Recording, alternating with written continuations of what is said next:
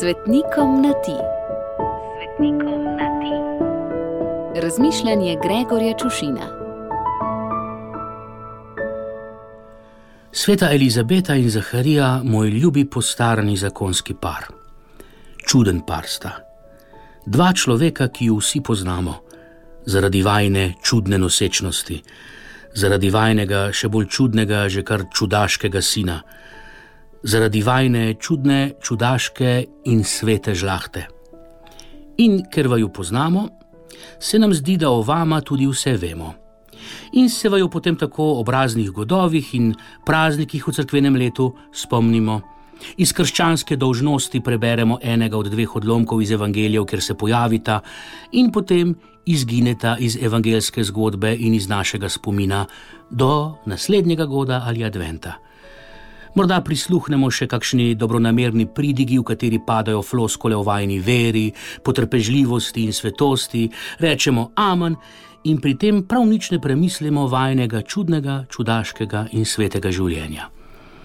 Pa vendar je vajna zgodba polna prečudno svetih vprašanj, ki se mi zdijo nad vse aktualna prav za naš čas, za sedanji trenutek odrešenske zgodovine.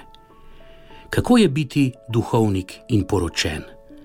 Razklati svoje srce med dva gospoda, služiti Bogu in ženi, varati Boga z ženo in ženo z Bogom. Kako je biti poročen z duhovnikom? Kako je ljubiti, če veš, da si to, kar ti kot ženi pripada, ukradla Bogu? Kako je služiti najsvetejšemu pri njegovem oltarju, ko te je ta najsvetejši prikrajšal za najsvetejše v tvojem družinskem življenju? Zmanjka besed, kaj ne, in to prav kruto dobesedno, ko vsaj z človeškega stališča gledano popolnoma upravičeno izraziš čisto majčken dvom. Božja logika, ki presega čudno, čudaško in presega tudi sveto.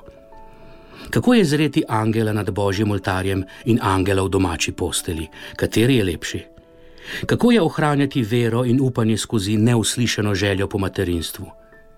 Kako je ohranjati ljubezen, pa ne le ljubezen, več kot očitno tudi ljubezensko strast, globoko v tretje življenjsko obdobje? Kako je ostati odprt za življenje, vse življenje? Kako se ljubiti nezaščiten in nezaščiteno? Kako je sprejeti nekaj zaželenega na nenačrtovan in nepričakovan način?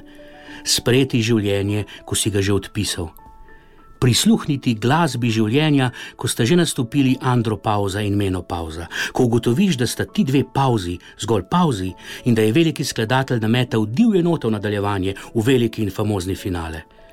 Kako je, ko tvoj otrok izgubi glavo?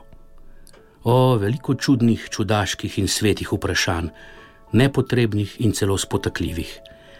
Pa vendar se o njih, ob premišljevanju vajnega življenja, sprašujem tudi sam. No, ne sam.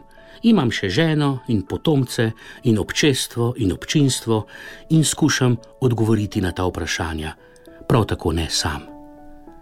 Sveta zakonca, obilo žegna ob vajnem godu, pa nam ga vrnita in obilno razlita na nas. Gregor.